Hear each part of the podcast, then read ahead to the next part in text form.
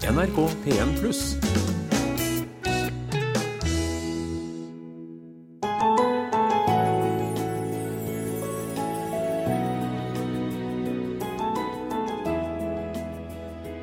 Jeg falt helt ut av eh, denne vanlige virkeligheten vi ser her. Falt dypt, dypt inn i meg selv. Og, og hadde da et møte med, med Gud, vil jeg si. Eh, for meg så var det bare et stort lys. Bjørn fikk sin gudsopplevelse gjennom meditasjon. Han kaller seg skaphindu, og mener også at tro bør bygges på erfaring. Men hva hvis erfaringen blir så vond at den slår deg helt ut? Vi ba Gud pass på liten og på stor, men 11. januar i år så passa ikke Gud på vår lille Sara. Jostein var kristen fram til ulykken. Nå vet han ikke hva han skal tro. Jeg vet ikke hva jeg skal mene lenger. To mennesker med ulik tro og livserfaring. Vi møter dem én og én her i Mellom himmel og jord. Jeg heter Miriam Wiklund og ønsker velkommen til en time med opplevelser og refleksjon rundt tvil og tro og mer til. Det enkleste er jo å si at du er allergisk. Det funker alltid.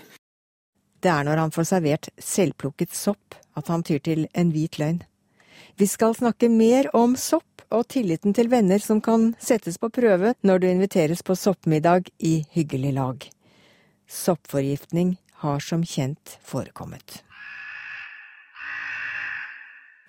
Hvorfor, spør han, hvorfor lot en god gud datteren min dø? Spørsmålet stiller Jostein H. Sandsmark etter at han mistet sin 13 år gamle datter Sara i en trafikkulykke i januar i år.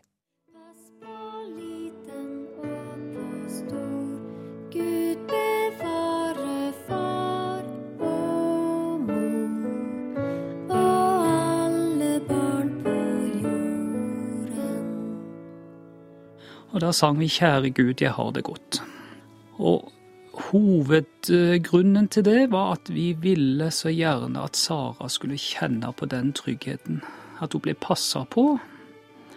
Og derfor, Det heter jo i denne sangen 'Pass på liten og på stor'. Det var en eh, bønn til Gud, og det var samtidig en påminnelse til oss voksne om at vi skulle passe på Sara. Og så var det en beskjed til Sara. Hør her. Både Gud og mamma og pappa passer på deg. Følte Sara seg trygg òg når, når de sang denne? Ja, det var helt tydelig. Ei rolig stund med aftenbønn hver eneste kveld i 13 år.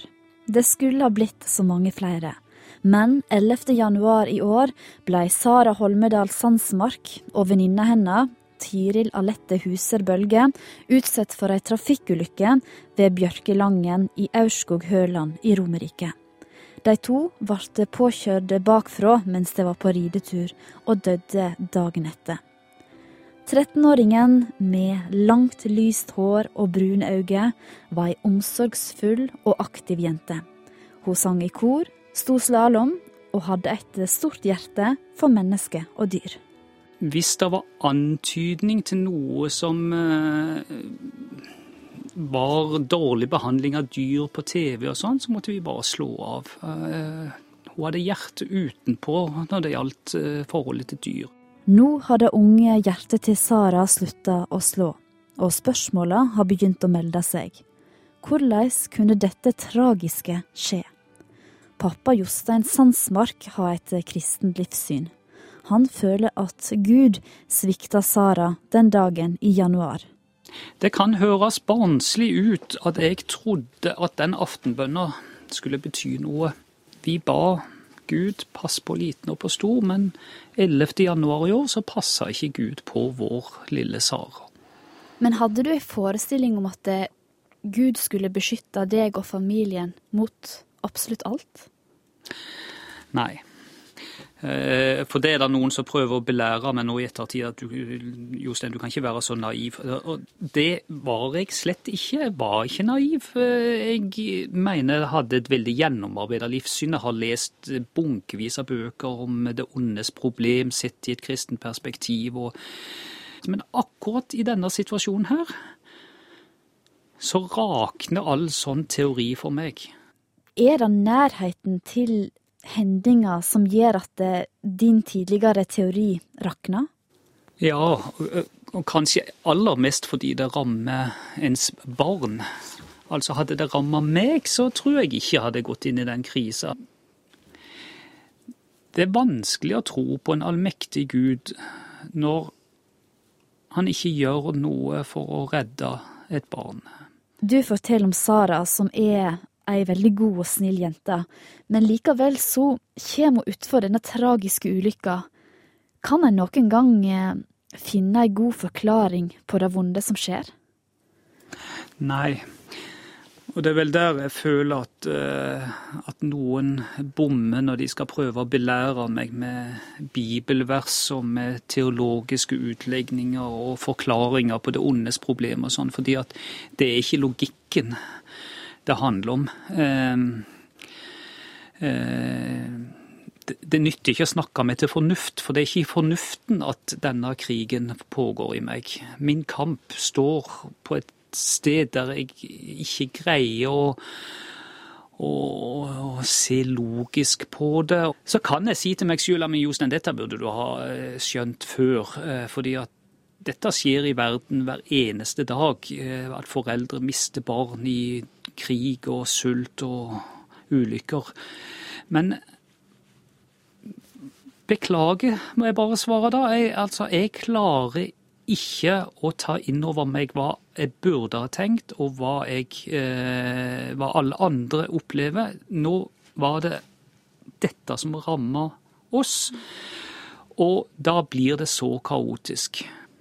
Sett nå i ettertid, har du hatt et litt naivt forhold til Gud med tanke på hvordan verden egentlig er? Jeg vil påstå nei. Eh, fordi at eh, jeg har prøvd å ta inn over meg alt som har skjedd i verden. Jeg, som journalist så har jeg vært inne i Somalia og sett krigsskader, og jeg har vært i Sudan og sett sultofre. Jeg har visst hvordan verden var. Og jeg har hele tida ment at eh, kristne har ingen sånn garanti ifra Gud for å slippe unna urett, eh, smerte. Det har vært veldig tydelig i tanken min.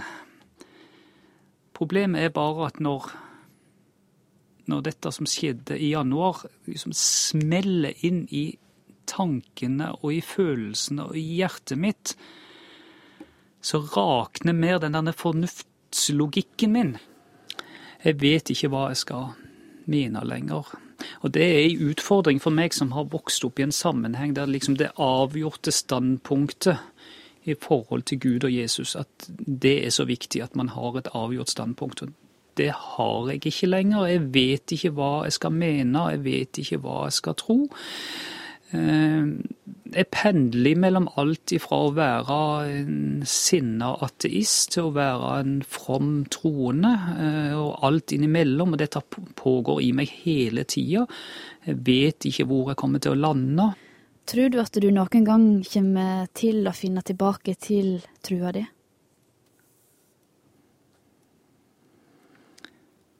Jeg skal i hvert fall ikke avvise det. Ehm, fordi at ehm, denne borgerkrigen som er i meg, den eh, handler om at jeg har mange argumenter for at jeg vil tilbake til Gud. Én ehm, ting er at det blir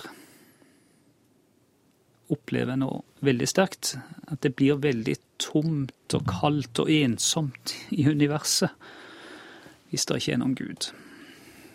Det er en ensomhet som eh, er tung å bære. Så jeg tror ikke at eh, ateismen er noe jeg faller ned på, selv om jeg da får en masse utfordringer på toppen.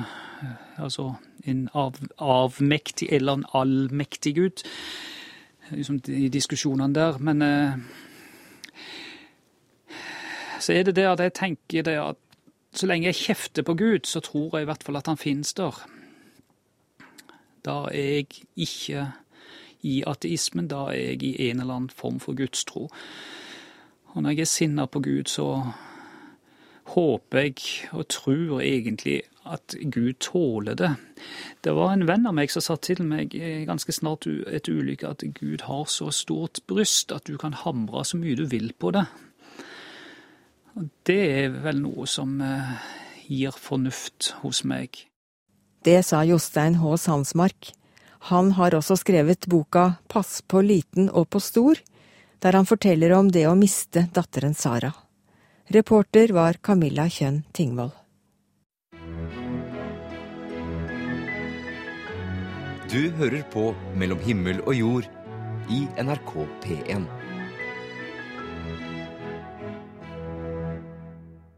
Tillit kan være så mangt. Og i noen situasjoner kan mangel på tillit sette høfligheten vår på prøve. For vi vil jo helst gi inntrykk av at vi stoler på venner og bekjente. Bortsett fra for eksempel Uff, ja, jeg får vel si det. De inviterte meg på soppmiddag, men jeg vet rett og slett ikke om jeg tør. For tenk om, tenk om de har forvekslet en spiselig sopp med en giftig en? Ja, selv om de antagelig ikke har gjort det, så er jeg litt engstelig. Hva gjør jeg da? Atle Bredal, han vet svaret for sin del. Sopp er farlig. Hvis ikke du har peiling, så eh, kan det virkelig gå gale. Men jeg har det noe å si hvem det er som inviterer deg til soppmiddag, da? Det har veldig mye å si. Hvis det er en god venn eh, som jeg f.eks. har vært på sopptur med og diskutert sopp med, og vet kan de forskjellige sortene. Og også det at ikke du skal blande uh, giftig med spiselig sopp. Så hadde det vært annerledes. Hvis det er noen nye venner eller uh, naboer jeg ikke kjenner så godt, så, så, så, får jeg store problemer. Ja, Men hva ville du sagt da? Nei, det enkleste er jo å si at du er allergisk. Det funker alltid. Jeg er allergisk mot sopp. Dessverre kan jeg ikke ha akkurat det. Jeg spiser det andre. Hva er det som må til for at du skal spise den soppmiddagen du er invitert på? Hvis det er privat hjemme, så må det være en jeg stoler ordentlig på. Eh, og jeg har jo venner som jeg stoler på i noen sammenhenger, men som f.eks. er litt late og lar ting skure og sånn. Og da tenker jeg at eh, ja, jeg kjenner de så godt at jeg vet at jeg ikke kan stole på de med soppen. Ja, nå tror kanskje mange at uttrykket 'allergisk for sopp' som regel er en hvit løgn. Men det er også noen som ikke tåler sopp, altså, bare så det er sagt. Nå skal du få treffe en ekte soppekspert. I 50 år har Marte Gjestland plukket sopp. Og i dag jobber hun som frivillig soppkontrollør i Trondheim. Reporter Yadushiga Raya har blitt med henne i skogen. Ja, her, her kommer det opp veldig masse litt om grønnaktig sopp som er litt grønn på, på hatten. Ute i skogen florerer soppen. Brune, hvite, røde og ja, grønne som grønnkremlene jeg og Marte fant. I dag har det blitt mer og mer populært å gå ut i skogen og plukke sin egen deilige matsopp. Men en sopptur er en jakt, og som vi alle vet, kan det være farlig å jakte. Dette med å høste ute er jo blitt litt mer inn igjen. Og man, man drar på bærtur igjen. Uh, selv om det var en som sa at han så bare gamle damer med grått hår på multeturene. da må man gå et stykke. Uh, men, uh, men, det er tatt opp, og dette med sopp også. Og de som er så heldige da og hatt en, kanskje en bestemor eller en tante eller foreldre som har gått ut med det, har jo da, har jo da litt kjennskap til det. De er jo ikke så hva jeg kaller redd for å gå ut og plukke sopp. Men det er mange som sier å nei, jeg holder meg til det jeg kjøper. Det er en grunn til å frykte soppen. Vi har fem dødelige sopper her i landet. Og som Marte sjøl sier det Aldri finne på å spise noen ting som du ikke vet hva er for noe. Men hva hvis du er invitert bort til naboen? Det er god stemning, nok av rødt i glasset, og maten kommer på bordet. Og det første som blir servert, er en krema soppsuppe.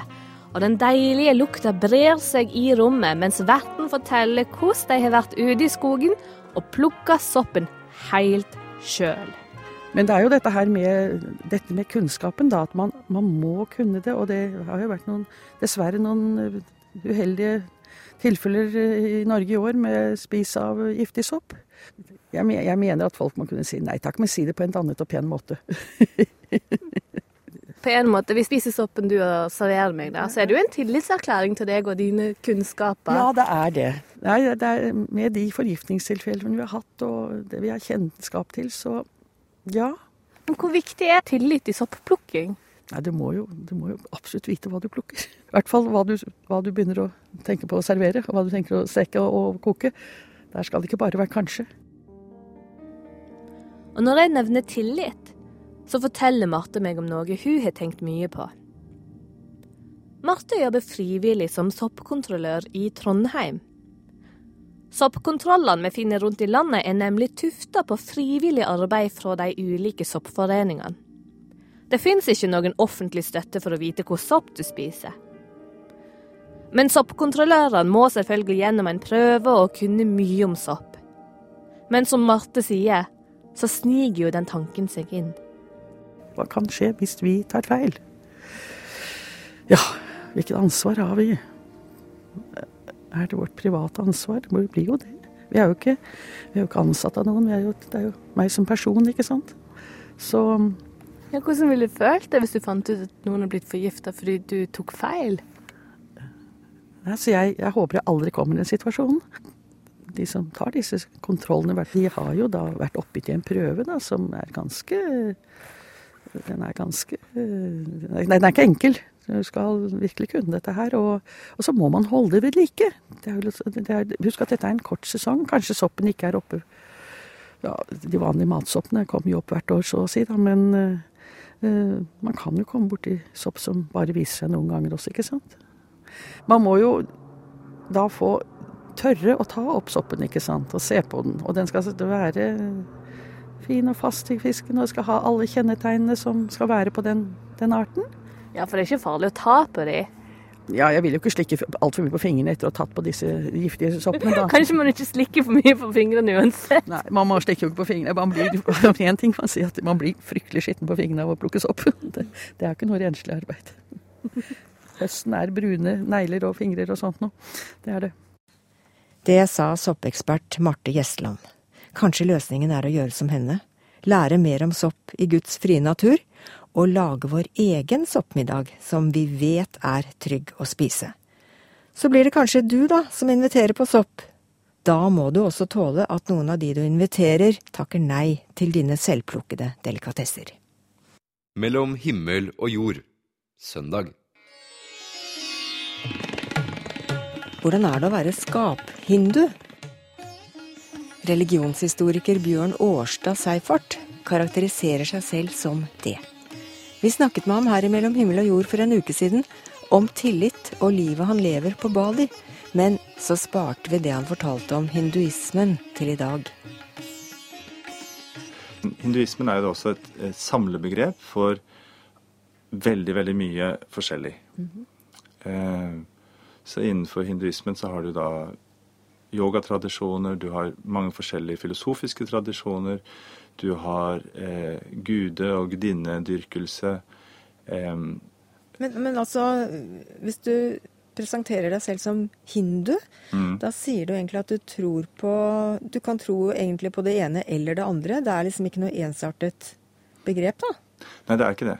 Så de har et begrep som kalles ishtevta, som betyr din valgte guddom. Eh, så det betyr egentlig at eh, det finnes jo tusenvis av guder i hinduismen. Og eh, disse representerer jo da forskjellige gode kvaliteter, på samme måte som vi kan tenke oss idoler i vestlig kultur. da. Du har et popidol eller et fotballidol eller noen som representerer noe du liker. På samme måte så har disse indiske gudene de har kvaliteter som f.eks. Ganesha, som er en gud som har et elefanthode, som representerer visdom og lærdom og eh, innsikt. Um, Men er, er, dette guder på linje med altså Når vi tenker på Gud, så tenker vi jo på en altomsluttende kraft, skaperen av universet. Er det på det nivået man tenker Gud, eller er det annerledes? Ja, altså de har jo eh, et begrep om, om, Gud som også som den ene. Eh, og da ikke forskjellig fra skapelsen, men som Gud som gjennomstrømmer alt. Og disse forskjellige gudene er på en måte eh, masker av denne ene guddommen. Det er på en måte delaspekter, altså? Ja. Jaha. Så det er litt parallelt med, med katolisismen, hvor man har helgener, f.eks. I hinduismen så er jo den ytterste gud eh, er jo noe man forestiller seg da er baken for konseptene. Altså ikke, ikke noe vi kan faktisk gripe med våre begrensede begrepsapparater, men, men altså det er noe som er grunnlaget for hele universet, og som alt egentlig er. Så det er jo også dette at, at Gud og verden ikke er totalt atskilt, men at vi har eh, guddommelige versjoner av Eller du kan si ideelle versjoner av det vi opplever på jorden. eh, så, så Gud er ikke i himmelen et eller annet sted langt borte, men Gud er her og nå, både i oss og i disse representantene for, for den guddommelige kraft. da. Men du, da må jeg spørre deg, hva slags eh, gud eller verdi i hinduismen er det du er tiltrukket av? Mm. Jeg er tiltrukket av mange forskjellige eh, guder og gudinner. Jeg syns det er spesielt fint å kunne inkludere gudinnen. Eh, og få med de feminine, feminine aspektene ved tilværelsen og virkelig verdsette dem og, og se at det er noe flott der. Ja, hvordan ber du til en sånn gudinne, f.eks.? Mm. Eh, Jeg kan gjøre det rent mentalt. Bare forestille meg eh, de kvalitetene eh, som hun representerer, og, og fylle sinnet med det. Eh, jeg kan synge en sang til henne. Jeg kan ehm, Altså, veldig mye av dette handler om, om eh, det man sier i, i India, bhavene. Altså en, en holdning, en, en tilnærming av uh, ydmykhet, uh, fromhet, uh, uskyldsrenhet. en åpenhet for å, å la disse kvalitetene komme til en. da. Men er det sånn at det hjelper? Får du bønnesvar? Selvfølgelig. Eh, eh, dit man retter oppmerksomheten, det er der energien går. Um, så hvis jeg retter oppmerksomheten mot noe vakkert og godt, så kommer det til å også fylle meg. Betyr det at jeg kan rette oppmerksomheten min på, på noe vakkert og godt, ja, uavhengig av hva jeg tror, og liksom fylle meg med det, og så blir jeg det, på en måte? Altså, dette, du sa jo uavhengig av hva du tror. Mm. Og dette hva du tror er jo helt essensielt. Eh, For hvis du tror at eh, livet er smerte og lidelse, så, så blir det virkelighet. Og hvis du tror at livet er godt og vakkert, så blir det virkelighet. Så, så dette med tro er jo en, en viktig måte å skape vår egen virkelighet. Og det gjør vi jo hele tiden, bevisst eller ubevisst. Vi skaper vår virkelighet. Eh, gjerne gjennom trosmønstre vi har lært tidlig, og som da har blitt automatisert, som vi da ikke eh, ser, men som hele tiden gjenskaper den type virkelighet for oss. Eller vår tolkning av den ytre virkelighet, som da blir vår indre opplevde virkelighet. Nå snakker du liksom sånn generelt at dette gjelder alle mennesker. Ja. Men eh, hvis vi skal zoome inn på hinduismen, da. Er Mhm. det også en form for hinduistisk tankegang? At der du retter oppmerksomheten, der Det blir du. Ja. Å ja. Jaha. Mm. Så enkelt. Så enkelt. Men det handler også om noe mer. Allerede som 18-åring lot Bjørn seg inspirere av en indisk guru som gjestet Norge. Han begynte å meditere og gå innover, som han sier, for blant annet å bygge tro på erfaring. Jeg har bedt om et eksempel på en åndelig erfaring.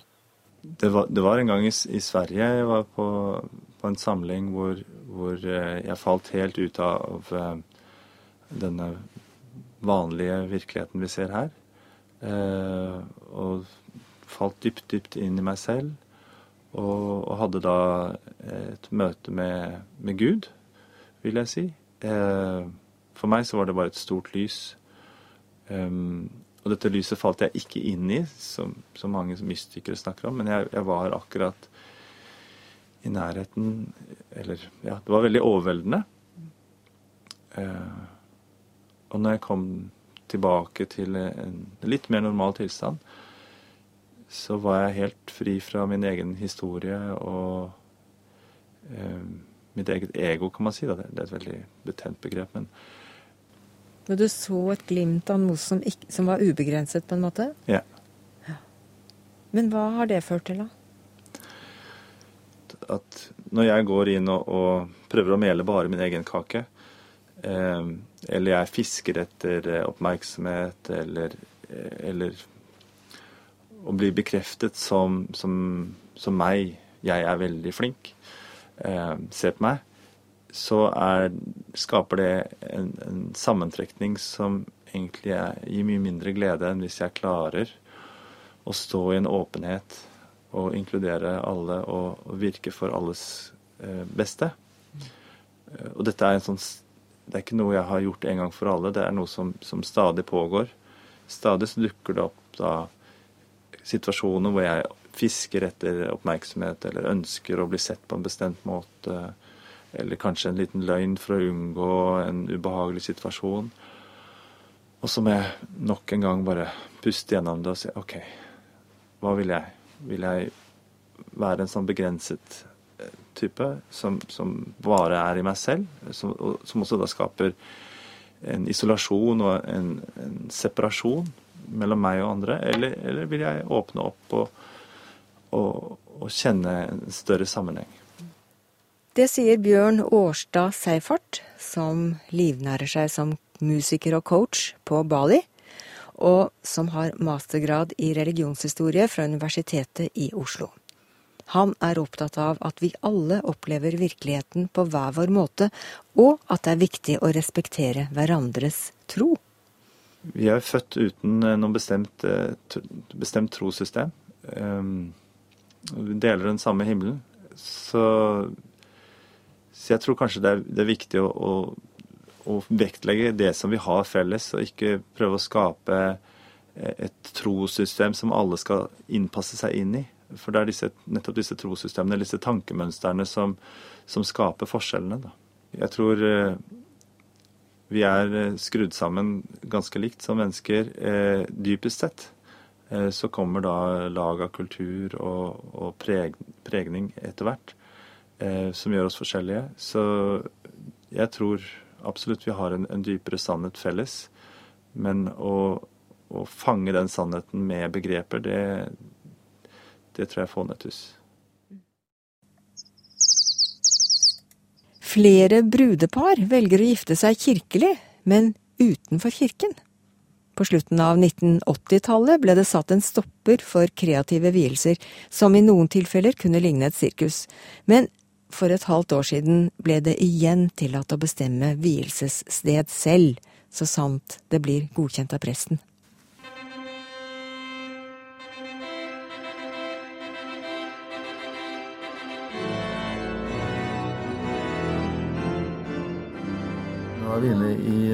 Et sånt eh, rom på Portosen. Timra vegger og veldig fint.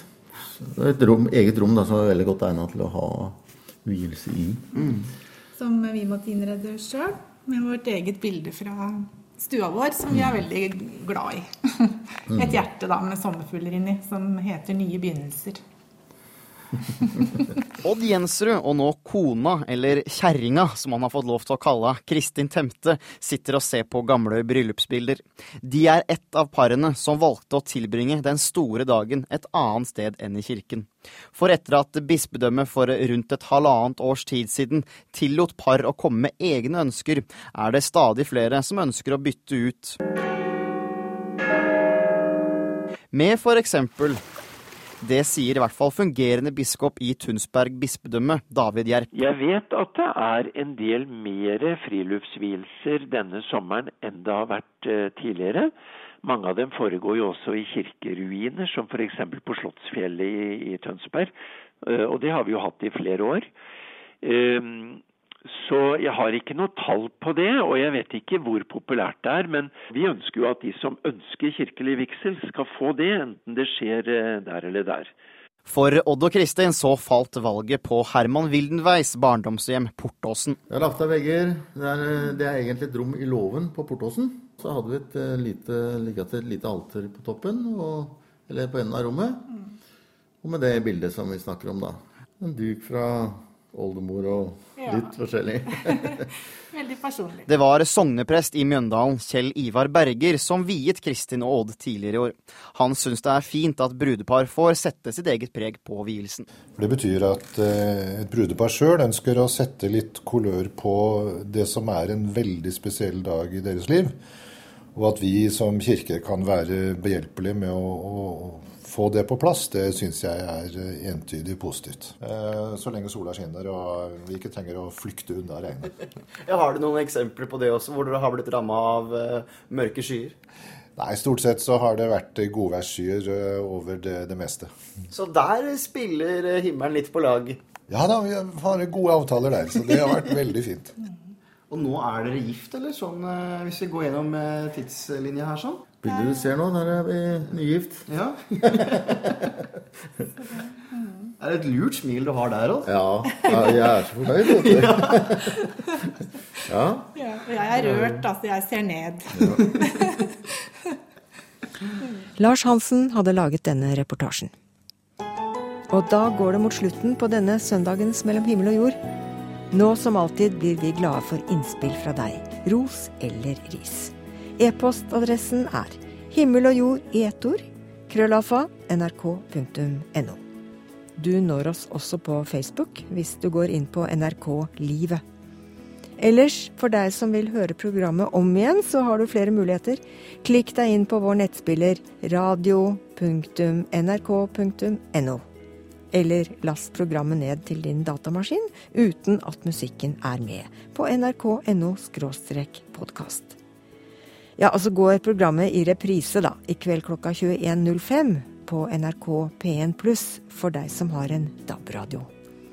Jeg heter Miriam Wiklund og ønsker deg en god dag, gjerne med NRK radio på øret. På gjenhør om en uke.